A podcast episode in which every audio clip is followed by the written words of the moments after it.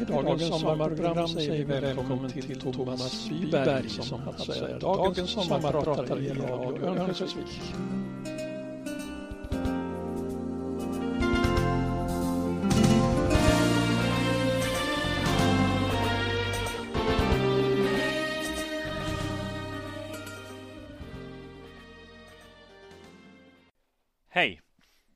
Jag heter Thomas Byber och jag är en av de lyckligt utvalda som har fått möjligheten att vara radiopratare i Örnsköldsvik den här sommaren. Ja, lyckligt utvald, det var väl ungefär vad jag kände med första gången då jag svarade ja på frågan om jag ville ha det här uppdraget. Under mars och april så kändes det ganska lugnt. Men som ni sen kommer att få höra i det här programmet så har jag ju inte direkt några problem att fylla ut livet med roliga och intressanta aktiviteter. Det gör också att uppgifter som inte är helt akuta kanske inte får allra högsta prioritet. Och då kan du förstå att jag helt plötsligt kände en viss ångest då jag kom, då jag kom på att tiden började bli ganska knapp för att bestämma vad jag skulle prata om.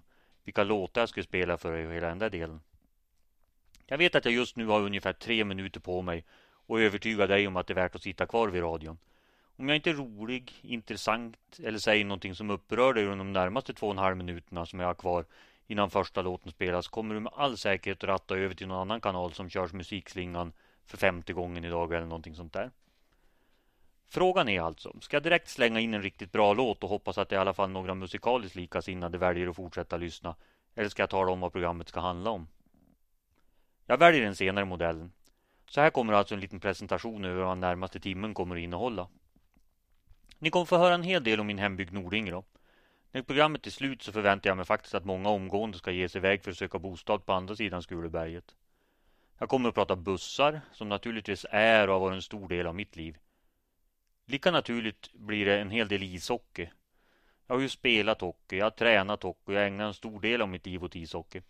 Som ordförande i Modo Hockey så finns det också en hel del intressanta bitar som jag tänker försöka ta upp. Egentligen borde jag kanske spara lite information om ett nyförvärv till slutet av programmet för att verkligen hålla alla kvar men jag lyckas inte riktigt motivera övriga organisationen att vi skulle hemlighålla ett av nyförvärverna bara för att jag skulle få ett intressant sommarprogram. Jag tillhör i alla fall de lyckligt lottade som antagligen har fått en alldeles för hög egenproduktion av dopaminer och allt vad de heter, de här signalsubstanserna som gör att man känner sig glad och lycklig. Om man är nöjd med livet så får man energi och då känns nästan ingenting jobbigt. Livet är ju faktiskt en riktigt rolig företeelse och jag vill att ni alla ska känna er välkomna in i mitt sommarprogram och välkomna in i min värld.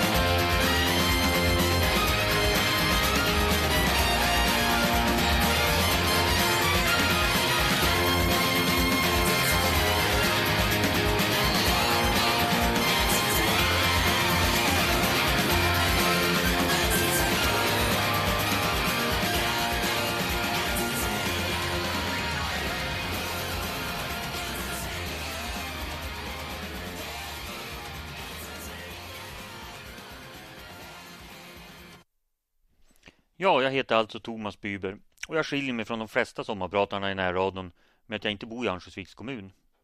Är man född och uppvuxen i Nordingrå kommun, då kommer man för alltid vara Nordingråbo.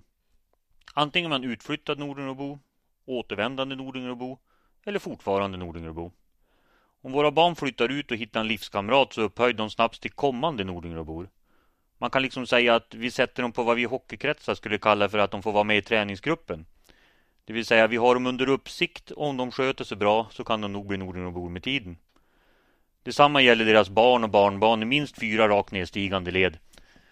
De räknas som Nordingråbor. Oavsett om de har bott hela livet ett stenkast från Smygehuk så förväntar vi oss att de ska skryta över våran storslagna natur. De ska kunna baka tunnbröd och rensa surströmming. I och för sig färdigheter som jag kanske inte riktigt har lärt mig än. Men de ska i alla fall alltid kalla området i Norden för hemma.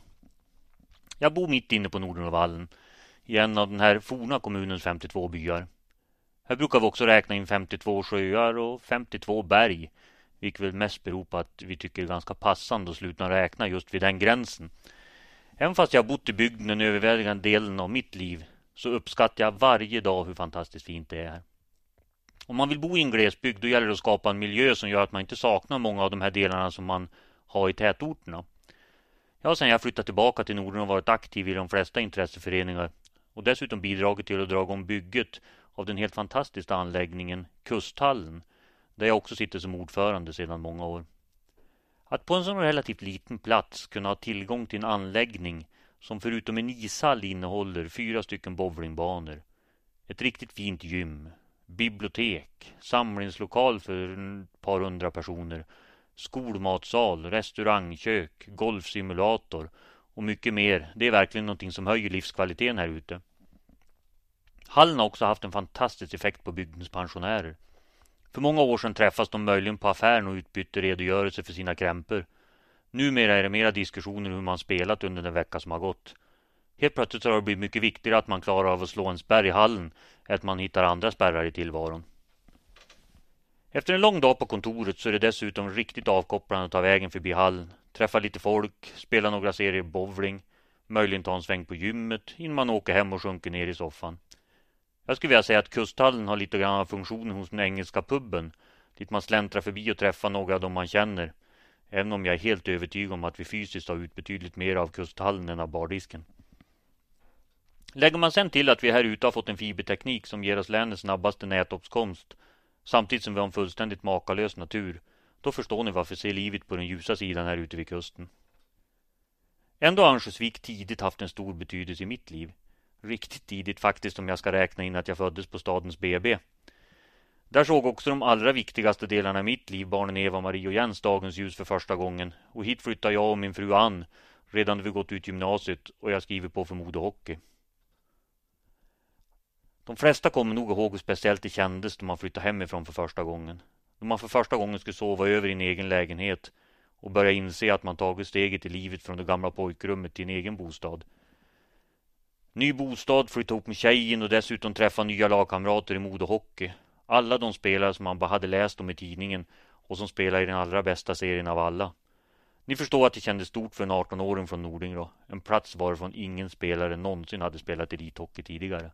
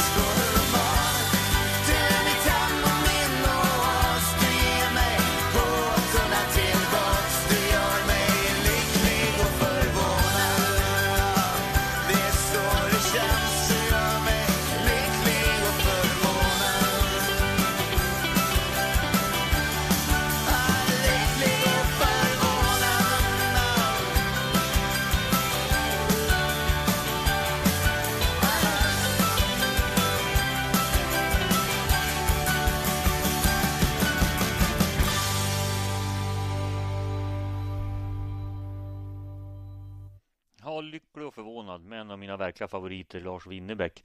Det var nog mycket bra beskrivning på hur jag kände mig då jag som 18-åring drog iväg mot Örnsköldsvik för att prova på att spela hockey med de här stora grabbarna. Som liten kille i Norden och cirklade mycket runt utomhusrinken mitt inne i byn. Intresset för hockeyn i bygden var mycket stort på den tiden. Alla talade hockey. Föräldrarna var engagerade ledare, även om den pedagogiska utbildningen kanske inte var helt optimal. Jag glömmer aldrig den ledare som innan en match mot Lundvik skulle försöka få oss att inte underskatta motståndarna. Han tittade på oss allihopa och sen sa han Pojkar, nu ska ni inte tro att det här blir någon lätt match. Sen gick det en stund och sen tillade han Men personligen så har jag tippat 12-2. Tänk att en match i gamla division 2, det som motsvarar division 1 nu, kunde dra upp mot en 500-600 åskådare utomhus. Och vid de uppskrivna derbyna borta mot Kramfors så passerar man tusenstrecket vid ett par tillfällen.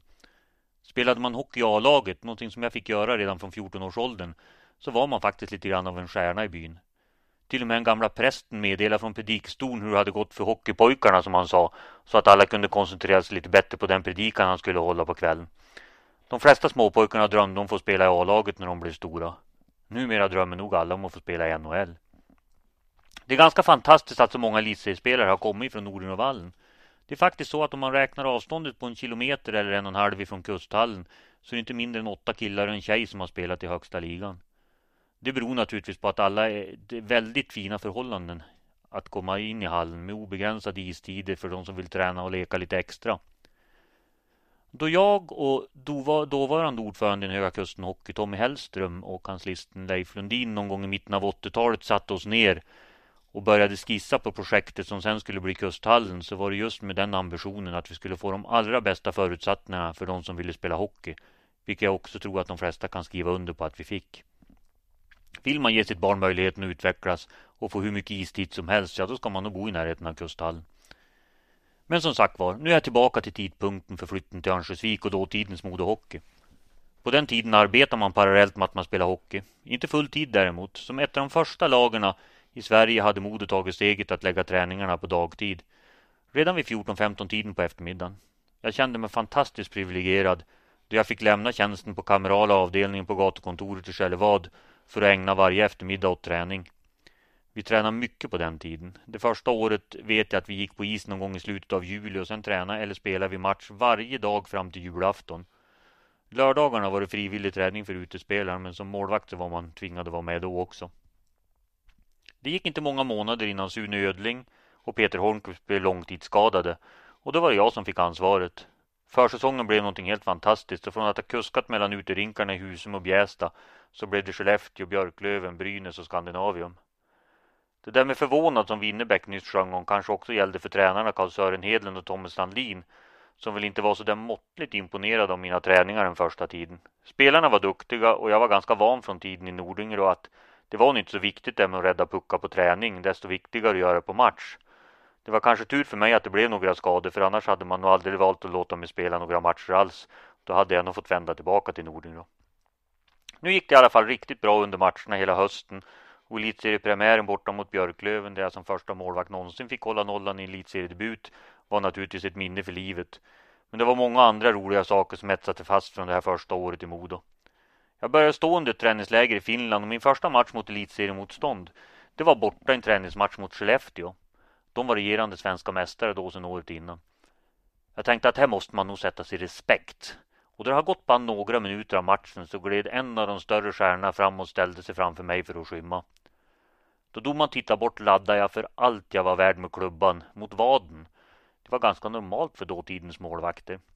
Det som däremot inte var normalt är att den där spelaren som stod framför gled isär bara sådär lite med skridskorna som behövdes som innebar att klubban istället sköt iväg uppåt och träffade betydligt ömmare kroppsdelar. Jag såg han mödosamt släpa sig mot båset och när han sen blev sittande nästan hela perioden där borta. Då domaren skulle släppa ner pucken i sista minuten öppnade sig båsdörren och han åker inte ner för att ställa upp för tekning i försvarszon för dem utan istället skrinnar han hela vägen ner till mig i målburen. Han la hjälmen kloss mot mitt galler, tittade mig rakt in i ögonen från ett par centimeter och så väste han. Hörru du Fimpen, nästa gång kommer jag ställa mig på samma plats igen. Om du är i närheten av mig då, då garanterar jag att du kommer aldrig att spela den här serien igen. Sen vände han sig om och åkte mödosamt tillbaka till båset och satte sig. Utifrån den berättelsen så borde väl nästa låtval vara solklart. Jag skulle ha kunnat kört Lena Philipssons Ont gör ont, men vi hoppar över den låten. Den här låten bestämmer mer hur jag kände mig som när jag lättad lämnar arenan levande.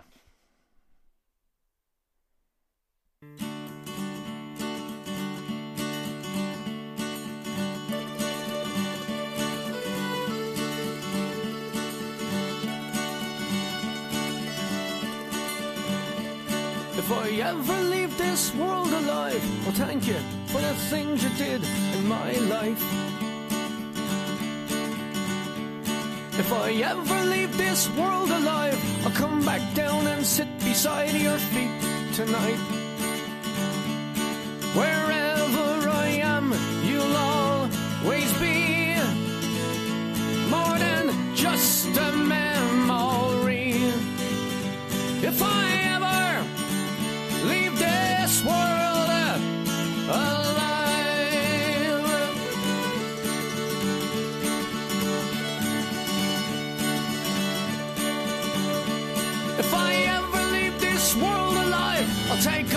All the sadness that I left behind. If I ever leave this world alive, the madness that you feel will soon subside. So in a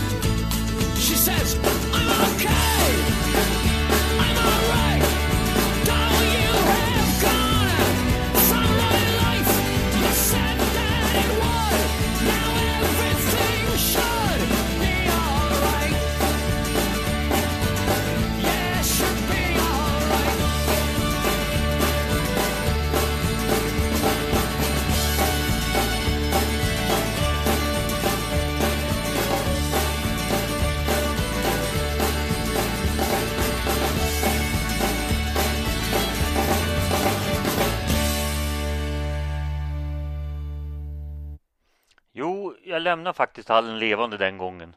Om jag inte minns fel så vann vi matchen också. Livet som hockeyspelare var roligt, men det krävdes också rejält mycket rent fysiskt. Vi tränade riktigt, riktigt hårt under Tommy Sandlins ledning. Skillnaden var väl den att det var inte så vetenskapligt som det är nu för tiden. En normal försäsong innebar Arbete på dagen fram till tretiden. Sen tränade vi så hårt och gick i minst ett par tre timmar. Och då man kom hem på kvällen så hade man oftast ont i magen och mådde illa av den tuffa träningen att det var svårt att få i sig så mycket mat. Så här i efterhand så inser jag att mycket träning var nog bortkastad då inte porna fylldes på för att ge energi. Vi hade liksom bara kommit en bit på väg i den här rationella träningen. Det var stadigt matcher på torsdag klockan 19 och söndag klockan 17. Just fasta speldagar, det är någonting som jag tror att vi skulle tjäna på i SHL också av idag.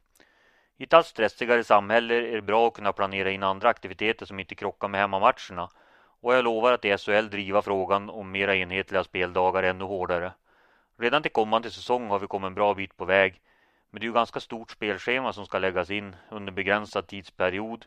Och tv-rättigheterna som ger oss relativt stora pengar de baseras naturligtvis på att vi ska kunna sända hockey live så många dagar i veckan som möjligt. Det är alltså många saker att ta hänsyn till då spelschemat sätts. Hockeyn gav otroligt mycket för mitt fortsatta liv. Man lärde sig jobba under hård press och man insåg att det fanns väldigt mycket mera i kroppen då man kände sig helt slut. Rent spelmässigt hade vi ett par tuffa säsonger efter SM-guldet. Tre år senare fick jag dock vara med och ta laget ända till SM-semifinal. Efter att vi hade vunnit det här SM redan första året man bodde i Övik och sen spelat semifinal ett par år efteråt, då trodde man som spelare att de här chanserna de skulle komma tillbaka hur många gånger som helst under hockeykarriären. Sanningen är ju den att väldigt många av de som spelar i en SM-semifinal de gör det nog kanske för allra sista gången i sitt hockeyliv. Med den vetskapen så tror jag att det är möjligt att få ut det där lilla extra som krävs om man ska gå hela vägen. Och det är på det sättet som man skapar vinnarinstinkt och man vet att det är sista chansen. Och ska vi vara riktigt ärliga så har vi saknat ganska mycket av den där varan i Modo Hockey genom åren. Det känns viktigt att redan från junioråldern få spelarna att vilja vinna. Spelar man match i en lagidrott ska man spela för att vinna för laget i varje läge. Även om vi i Modo prioriterade individuell utveckling i unga år så får vi nu inse att förmågan att verkligen vilja vinna är det som skapar mästare. Det spelar ingen roll om man kan trolla med en puck och en klubba om man inte är beredd att ge allt för sakens skull då det verkligen drar ihop sig. Jag är glad att folk i Modos styrelse tidigt rådde mig att börja studera när jag höll på att spela ishockey. Jag läste ekonomi i Umeå, dit vi var några som pendlade upp och deltog, mest på tentorna förstås. Det fanns ju som elitspelare inte så mycket tid för normalt studentliv. Men ekonomiutbildningen i ryggen jobbade jag faktiskt som lärare på Noraskolan under mitt sista säsong i föreningen. Det var en bra erfarenhet, men jag insåg också att läraryrket nog inte var min framtid. Varför slutade jag då som aktiv? Jo, efter några misslyckade försök att hitta kontrakt utomlands så blev jag kontraktlös med kort varsel i september. Och på den tiden fanns det inte möjlighet att byta klubb i Sverige då datumet var nått. Jag fullföljde mina studier i Umeå samtidigt som flyttlasset gick mot Nordingrå där Ann redan arbetat på bussbolagets kontor i ett år. Det är faktiskt ganska roligt att hon jobbar längre med bussar än vad jag gjort. När Modo återigen ringde efter mitt sabbatsår så hade laget dessvärre åkt ner i allsvenskan och för mig hade en ny fas i livet börjat. Vi hade köpt hus, börjat jobba med bussbolaget och vårt första barn Eva-Marie var redan på gång. Då kändes det inte aktuellt att börja om med hockeyn igen utan steget mot ett nytt liv utan hockey inleddes. utan hockey, det trodde jag i alla fall då. Det gäller att se framåt i livet i alla fall och inte dröja sig kvar i det som har varit.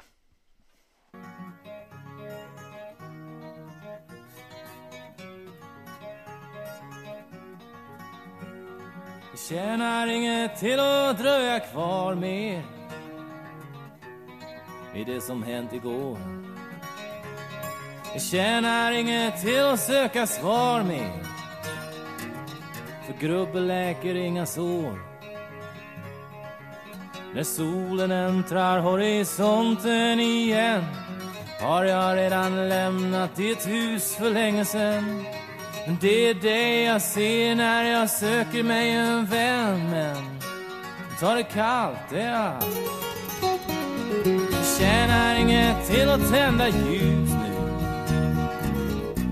De ljus du kanske har. Men jag ser inte fönstren i ditt hus nu. Jag går på fel trottoar. Jag famlar i mörker på min jordiska färd Där kärleken ynnest som ingenting är värd Du sträckte ut din hand men vad jag fick det var din flärd Men ta det kallt, det är allt Du har ingen för att ropa mig tillbaks nu Jag vet nog vad du vill. Du har ingen för att vara mig till lags nu. Jag kan din vals utan till. Du säger att man måste tala ut och vara sann. Det borde du ha tänkt på innan chansen försvann. Du och jag har aldrig kunnat tala med varann. Så ta det kallt, det är allt.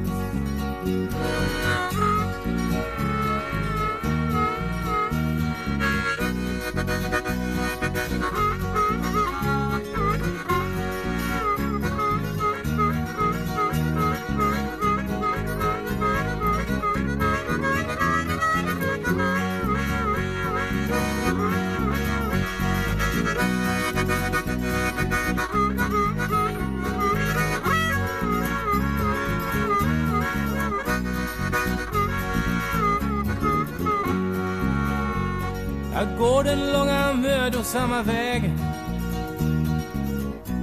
mellan villor och själ. Som Akilles enligt gammal sägen med en pil i min häl. Från din horisont har du knappast handlat fel. Din kärlek var sårad och du trodde min var hel. Du drog mig in i leken och du satte mig ur spel. Ta det kallt, det är Ta det kallt, det är Ja, som jag sa tidigare så var väl inte det där med bussar någonting som jag egentligen trodde att jag skulle ägna mig åt. Men helt plötsligt befann jag mig mitt i driften av bolaget. Jag tog busskort och under några år så kombinerade jag kontorsarbete med att köra buss. Men ganska snabbt insåg jag att det gällde att prioritera och då valde själva körandet bort. Även om jag har busskortet kvar så blir ingenting kört nu för tiden. Jag hinner bara skumma lite grann så där på ytan när det gäller bussbolaget. Här finns nog material till flera radioprogram om man ska gå in på den spännande utveckling som vi har haft från det att vi hade 7-8 bussar fram till idag. Under ett antal år så fanns det i alla fall lite tid över till att köra och åka reseledare även ute i Europa. Det är faktiskt någonting alldeles speciellt att färdas med buss. Det är så otroligt mycket man får se och uppleva längs vägen som man går miste om på charterresorna. Nu flyger vi oftast en väg med våra resor och grupper men just vid förflyttningar så kan det hända ganska många roliga saker. En gång i mitten av 90-talet var vi i Florens med en grupp som skulle gå ut på en guidad tur till fots i innerstaden. Eftersom jag hade varit med på den turen ganska många gånger så erbjöd jag Thomas som körde bussen att promenera med så skulle jag ta bussen och hämta tre och en halv timme senare på den plats vi hade bestämt. Lokalguiden visade hur vi skulle köra och inte långt ifrån den fantastiska bron Ponte Vecchio som går, går floden Arno klev alla av och jag satte mig vid ratten för att jag skulle åka vidare och parkera. Sätta mig på ett café med en bra bok och njuta lite grann på italienskt sätt. Ingenting kunde ha varit mer felaktigt. Jag hade som jag tidigare sagt varit i Florens, eller Firenze som italienarna kallar den här fantastiska staden ett antal gånger. Så jag hade ganska bra kontroll på hur jag skulle köra. Däremot kändes det bäst att fråga guide nu ska jag åka vidare just från den här piazzan där vi nu stod parkerade. Hon sa att det var bara att köra rakt fram så skulle jag komma till bron där bussen kunde köra över Arno och sen kände jag till det hela ganska bra. Jag hade ju dessutom tre och en halv timme på mig så det kändes ganska lugnt. När jag rullade vidare visste jag inte alls vad som väntade på mig. Ganska snabbt kom jag till en korsning där det var väldigt svårt att avgöra vad hon menade med rakt fram. Det såg svårt ut att ta den vänstra vägen så jag följde bilen framför åt höger och rullade på några hundra meter till. Det kändes som om det blev smalare och smalare att ta sig fram med den här stora bussen. När gatan var slut var det bara möjligt att vika in på en ännu något smalare gata via San Spirito tror jag han hette. Och där stod det bilar parkerade på båda sidorna av vägen. Och det var definitivt inte bussbredd att köra. Jag tog mig ungefär 50 meter in på gatan innan vi definitivt fann stopp. Bakom började det fyllas på med bilar och inom tio minuter kunde man höra ilskna italienare signalera flera kvarter bort dit köerna nu har börjat sträcka sig. Ja, vad fanns det annat att göra än att försöka ta sig fram? Jag fick med mig en grupp uppretade stadsbor som hade bråttom att ta sig dit de skulle. Tillsammans började vi en grupp på 10 till 15 personer och lyfta undan de parkerade bilarna in mot väggarna så att det skulle bli möjligt att köra bussen framåt. En av mina medhjälpare var så irriterad på de parkerade bilarna att han försökte bredda vägen genom att skrikande italienska skällsord samtidigt som han började sparka undan backspeglarna på alla bilar som han såg i vägen. Efter en timmes hårt lyftande i den 30-gradiga värmen var vi inte halvvägs genom gatan.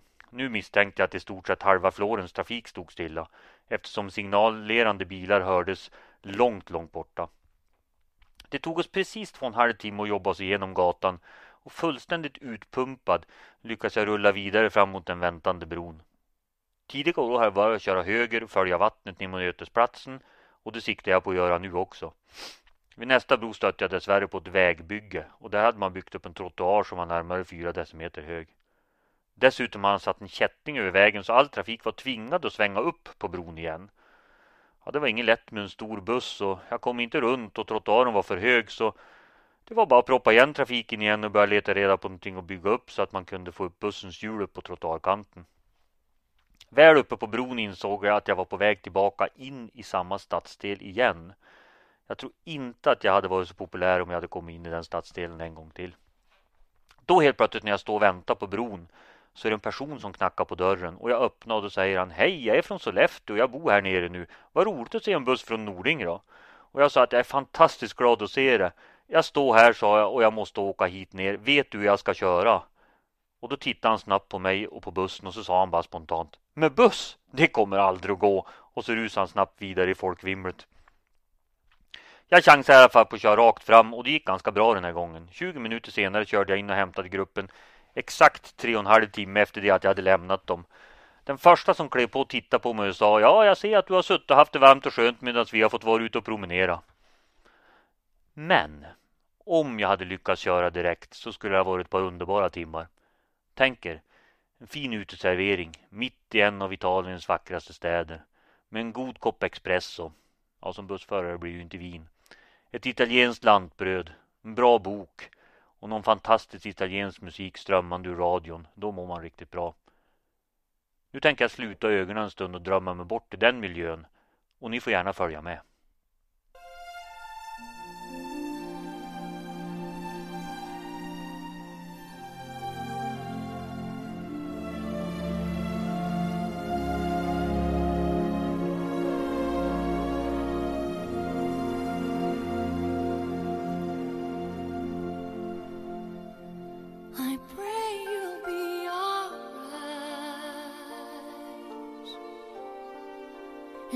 And watch us where we go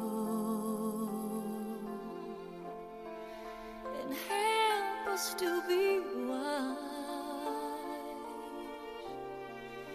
in times when we don't know. Let this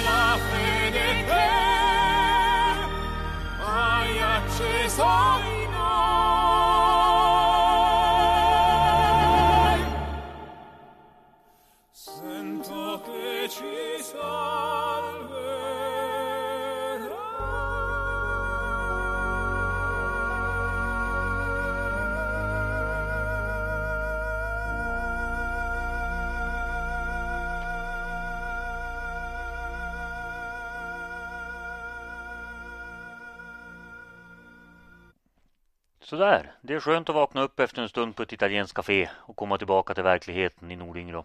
Och det bolag som blev så centralt i mitt och nu i ganska många andras liv också. Vi har en vision som vi lever efter i bolaget. Ingenting är omöjligt. Hade vi inte haft med oss den inställningen hade nog bussbolaget från Norden inte levt vidare i den allmänt hårdare konkurrensen i branschen.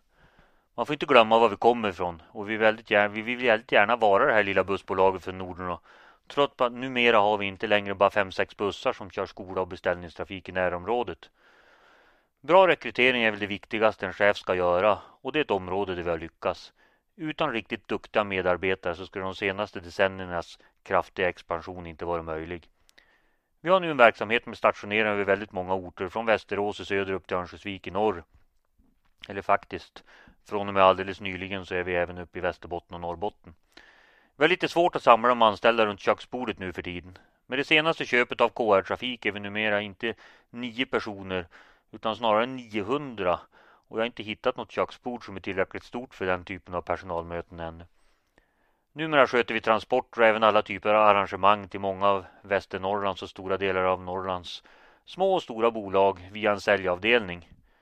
Vi glömmer dock inte bort det fantastiska säljarbete som mamma uträttade från kontoret. Hon drev egentligen ett helt bolag rent administrativt under flera decennier. Hon har hunnit bli 91 år nu men jag är övertygad att om hon skulle klara av att gå över på kontoret direkt idag och jobba om det skulle behövas. Pappa som gick bort i fjol jobbade oerhört hårt under en hel livstid. Hans historia och servicekänsla då han var ute på resor har naturligtvis satt normerna för hela vår företagskultur. Och det var roligt att han fick vara med så länge och se sitt livsverk utvecklas. Som ni förstår skulle historierna från våra resor kunna fylla en hel programserie och inte bara ett program. Jag ska ta en liten berättelse till som är hämtad från Spanien för ett antal år sedan. Som första bolag i Sverige hade vi börjat köra resor som gick med flyg i ena riktningen och med buss i den andra. Vid en av de resorna bodde vi söder om Barcelona på en ort som heter Salao. En av dagarna där nere gav vi oss iväg mot en marknad i en stad som låg ungefär fem mil bort. Efter en liten avstickare till ett mysig liten spansk by och en vinprovning så var vi framme vid ett-tiden och parkerade ganska nära stadens mitt, endast några hundra meter från marknadsplatsen. Vi bestämde oss för att återsamlas vid bussen klockan tre och så långt gick allting bra. Med på resan fanns ett underbart par med en äldre mamma och hennes dotter som hade Downs syndrom. Då klockan var tre var alla tillbaka utom just de här båda. Efter att hela bussgruppen hade varit ute och letat i 20 minuter så tog vi beslutet att gruppen fick åka tillbaka hemåt med föraren och jag stannade kvar för att fortsätta letandet. Jag fick vän med några poliser från lokala stationen och de lyckades också engagera en hel skolklass som fick lära sig namnet på våra saknade svenska resenärer. Överallt i hela stan kunde man höra folk som sprang omkring och ropade namnet. Även, på, även om det spanska uttalet naturligtvis lämnade ett och annat övrigt att önska. Det här var just då GSM-telefonerna hade kommit men anslutningen var inte den allra bästa så någon kontakt med de övriga det var inte lätt att få. Efter ett par timmars idogt letande och rejält orolig över om de tagit vägen så fick jag till slut låna en telefon på polisstationen och ringde till hotellet och föraren som förhoppningsvis skulle vara tillbaka på plats. Han svarade glatt att han återvänt till hotellet. Då hade både mor och dotter suttit på en solig bänk utanför ingången. De hade direkt förstått att de hade gått fel på marknaden men eftersom de visste adressen till hotellet så hade de tagit en taxi istället. Så de var tillbaka långt före alla andra. Det blev taxi hem även för mig den dagen. Annars var de här resorna till Barcelona väldigt speciella. Då grupperna anlände på kvällen med flyg till Barcelonas flygplats och vi hämtade dem med buss där och åkte in till stan där vi låg första natten. Och man åker in på motorvägen, in mot den här mäktiga stan, förbi Camp Nou-stadion och in mot den här Barcelona med alla de här fantastiska skulpturerna från arkitektur. Gaudi är det väl som har byggt stor del av stan. Tänk då när man åker där, det är alldeles mörkt och tyst i bussen och man är lite trötta efter resan. Och så sätter man på musiken Barcelona i högtalarna och det låter så här. Följ med på resan in mot Barcelona.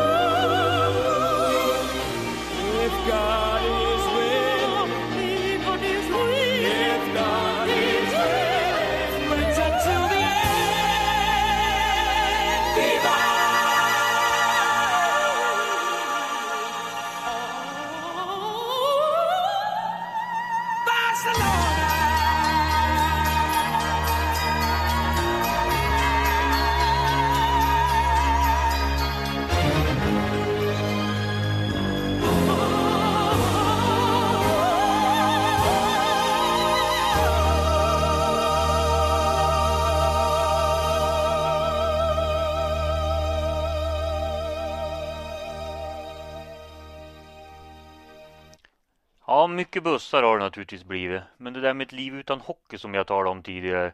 Det blev liksom aldrig av. Väl åter i Norden så blev jag snabbt engagerad i Höga Kusten Hockey med byggandet av ishall och jobb i styrelse.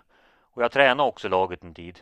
Då Jens, grabben, blev så stor att han började åka skridsko då blev det ungdomshockey där jag fick förmånen att träna och följa med en hel kull av underbara hockeygrabbar och en tjej hela vägen för att de tog sina första skär tills att de blev nästan vuxna. De minnen man får med sig och de kontakter från den här tiden de är helt otroligt roliga att ha kvar. En av de första hemmamatcherna vi skulle spela, den glömmer jag inte, det var mot Modo förresten. Det var svårt att få ett gäng åttaåringar att inte bli imponerade av motståndarna då de uppträdde i Modotröjor och såg så otroligt proffsiga ut. Vi fick inte våra killar att åka nästan någonting under uppvärmningen utan de flesta stod mållösa och tittade på de i deras ögon helt oövervinnliga demonerna på andra sidan banan. Det gick så långt så vi fick lov att blåsa in hela gruppen och tala om för dem att grabbarna som ni ska möta där på andra sidan, de har faktiskt börjat spela hockey alldeles nyligen de också. Och då matchen sen kom igång hade vi mitt i första perioden ledningen med ett par mål och jag gick fram till en av småkillarna i båset och viskade hans öra. Där ser du, vi är minst lika duktiga som de är, även fast det står Modo på deras tröjor. Han tittade bort mot Modobåset och då såg han två ståtliga tränare. De hade likadana overaller med texten Modo Hockey över hela ryggen. Och sen tittade han upp mot mig och så sa han så ärligt han kunde. Nej, de är nog inget bättre, men de har nog mycket bättre tränare. Det är sådana kommentarer som man får glädje av hela livet. Så för sju år sedan så ringde min gamla kollega från Modo Hockeytiden, Peter Holmqvist, och frågade om jag inte skulle gå med i Modos styrelse. Först vet jag att jag var förnuftig och svarade att jag inte hade tid och att det nog inte var någon bra idé, men Peter var ganska ihärdig.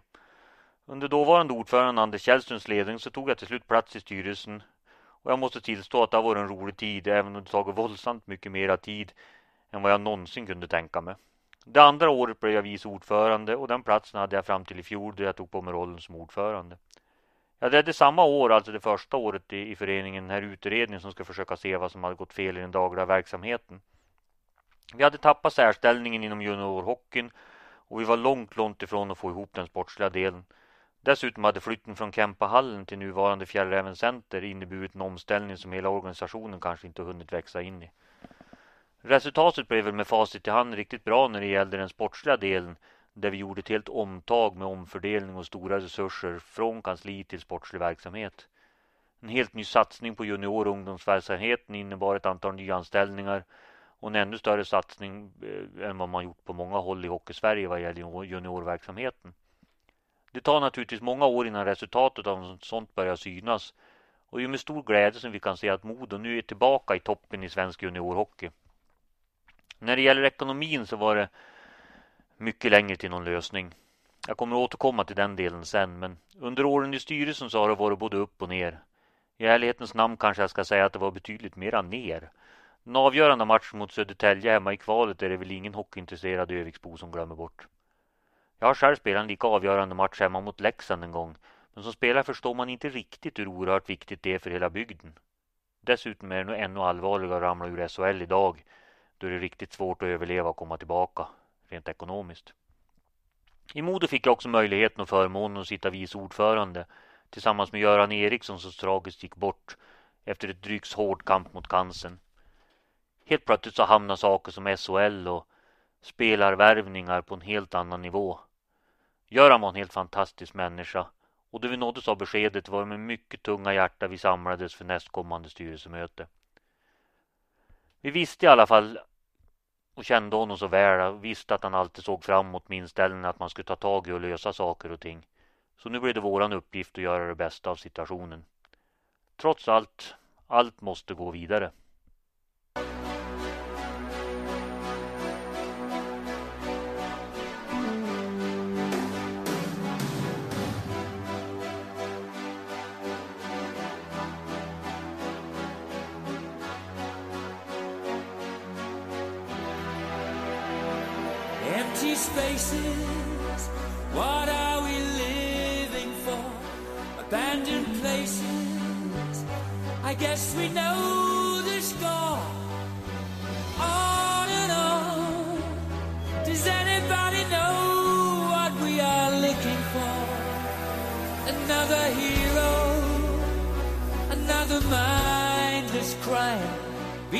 Curtain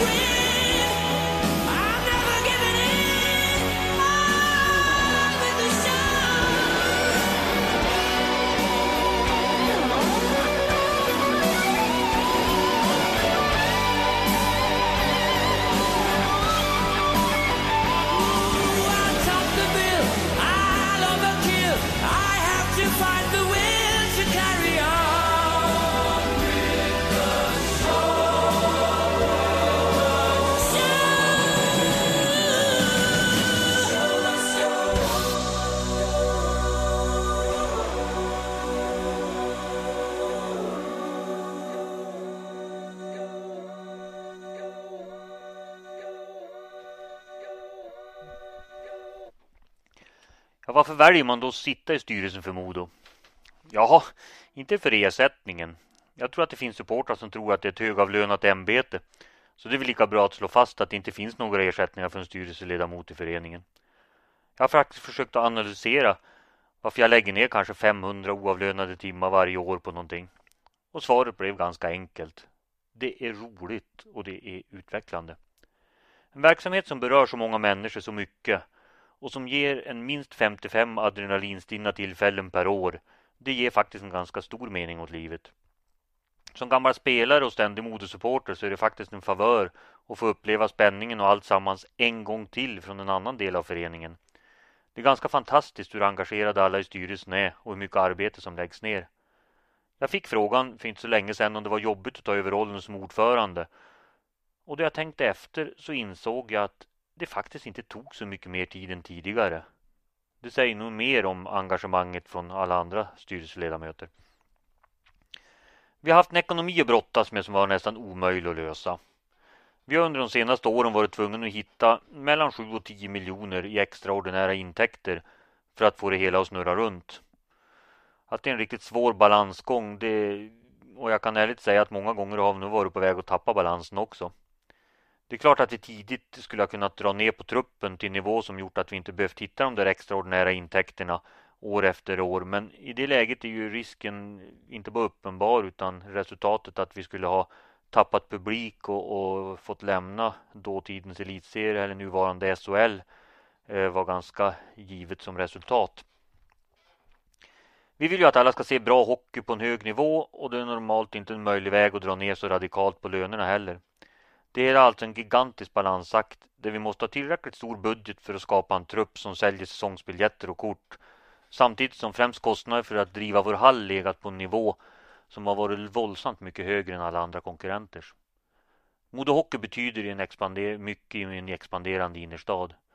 Det nya driftavtalet med kommunen det ger oss möjligheter att se till att vi får en aktivitetshall som blir navet i Örnsköldsviks kultur och idrottsliv. Även om hallen när den byggdes kanske var lite för stor för stan så får vi väl tro på framtiden och se till att visa alla att staden kan bli tillräckligt stor för hallen istället. Det viktigaste för oss i Modo Hockey det är att få alla känna att vi har ett gemensamt uppdrag oavsett om man sitter i styrelse, om man är en del av föreningen genom att köpa sitt säsongskort i tid eller vad man bidrar med. Jag förstår att engagemanget ibland kan ta uttryck i dumma mejl och forum där vi, där vi som ansvariga blir fullständigt avrättade för att vi inte köpt in rätt spelare. Men jag känner ändå ett väldigt, väldigt stort stöd och förståelse för hela situationen. Det känns faktiskt som om hela bygden hjälper till allt vad man kan för sitt lag. Hur ser det ut i truppen inför kommande säsong då? Ja, som jag sa tidigare är vi väldigt glada över det juniorerna uträttar just nu. Vi har en huvudtränare som ser väldigt långsiktigt på den här satsningen som vi gör och har gjort på juniorerna. Och Per Svartvade som GM har ett år bakom sig där han verkligen fått bra grepp om juniorerna. Det är klart att en liten lägre lönebild på juniorerna det ger oss helt andra förutsättningar än vi hade för några år sedan då juniorerna inte kanske var riktigt mogna att ta steget upp. Som vanligt är det svårt att få tiden att räcka till. Tittar jag nu så har jag väl kanske dragit över programtiden något också. Det närmar sig slutet och jag är inte ens under nudda vid allting annat som jag håller på med. Förutsättningarna för att med gott samvete kunna ägna sig åt så många saker det är att man har det bra där hemma. Ann och jag har jobbat tillsammans på kontoret i nästan hela vårt vuxna liv. Vi jobbar tillsammans dagligen så vi har inte så hemskt stora problem att den ena eller den andra åker iväg på andra aktiviteter på kvällarna. Det viktigaste i livet är naturligtvis barnen och nu har jag dessutom blivit förärad med ett barnbarn, Greta, som är snart ett och ett halvt år. Vi har två vuxna barn. Vi har Eva-Marie, hon jobbar politiskt i Stockholm och Jens som efter ett antal år i USA nu är tillbaka i Örnsköldsvik. Det är naturligtvis runt den närmaste familjen som allt fokus ligger. Min mamma Gertrud träffar jag nästan dagligen och min syster Solveig har alltid varit ett stort stöd och vi pratar med varandra nästan varje dag på telefon. Det är ganska otroligt. för jag tror aldrig bråkar med varandra som syskon ofta gör trots att vi vuxit upp tillsammans och ägt bolag ihop och haft väldigt mycket att göra. Sen är det kanske sant att jag håller på med lite väl många saker. Men det är svårt att låta bli då allting är så roligt. Jag spelar seriespel med Nordro bowlinglag och det är någonting som jag inte vill byta bort. När man väljer sig in i bowling och inser hur många dimensioner den sporten innehåller och hur mycket man måste lära sig att behärska för att bli riktigt bra, då är sporten intressant. Ni som inte har testat att bowla, gå genast iväg och gör det. På Kusthallen i sommar får dessutom barn bowla gratis. Om man bowlar på vintern, ja då passar det jättebra att spela golf på sommaren. Vi har ju en bana i Norrfällsviken, bara en kvart hemifrån och är gott om möjligheter att spela där. Dessutom har jag möjlighet förmånen att få spela ett antal gånger per år med ett eget coverband eller eget vårt coverband Blackbush. Jag spelar gitarr och sjunger och det är avkopplande att få göra någonting helt annat. Eller när allting kanske kommer omkring så är det hemligheten med att trivas. Det är nog så att jag håller på med att göra någonting helt annat hela tiden. Nu vill jag tacka er alla ni som har hängt med mig under den här timmen och kom ihåg, ingenting är omöjligt. Some things in life are bad, they can really make you mad. Other things just make you swear and curse. When you're chewing on life's gristle, don't grumble, give a whistle. And this'll help things turn out for the best. And always look on the bright side of life. Always look on the light side of life. If life seems jolly rotten, there's something you've forgotten, and that's to laugh and smile and dance and sing. When you're feeling in the dumps, don't be silly chumps. Just purse your lips and whistle, that's the thing. Hey, always look on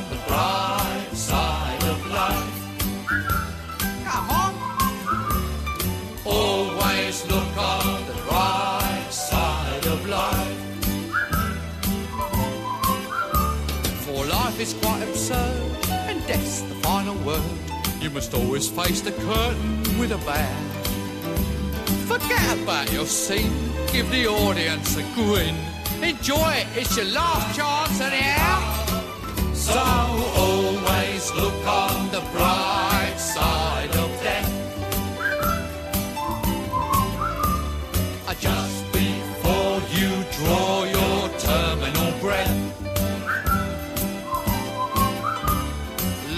piece of shit when you look at it. Life's a laugh and death's a joke, it's true. You'll see it's all a show, keep 'em laughing as you go. Just remember that the last laugh is on you. And always look on the bright side of life. Always look on the right side of life.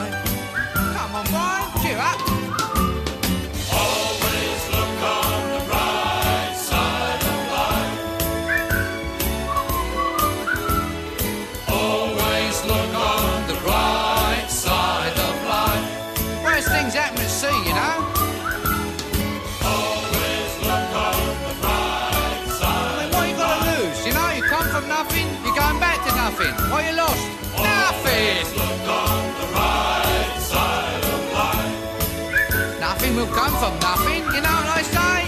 Cheer up, you old bugger. Come on, give us a quiz. There you are. See? The end of the film. Incidentally, this record's available in the foyer. Some of us got to live as well, you know. All right, it's a lot. Let's get this place there. Within three weeks. You for this rubbish?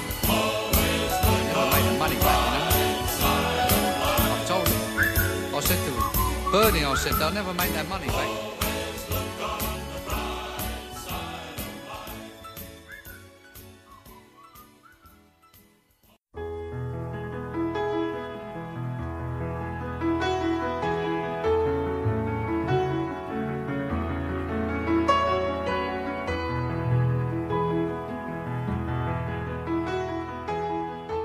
Du har lyssnat till programmet Sommarpratarna som sänds i Radio Örnsköldsvik 89,8 eller 105,7 MHz eller via internet på www.radioovik.se. Och programmet produceras av Radio Nolaskogs.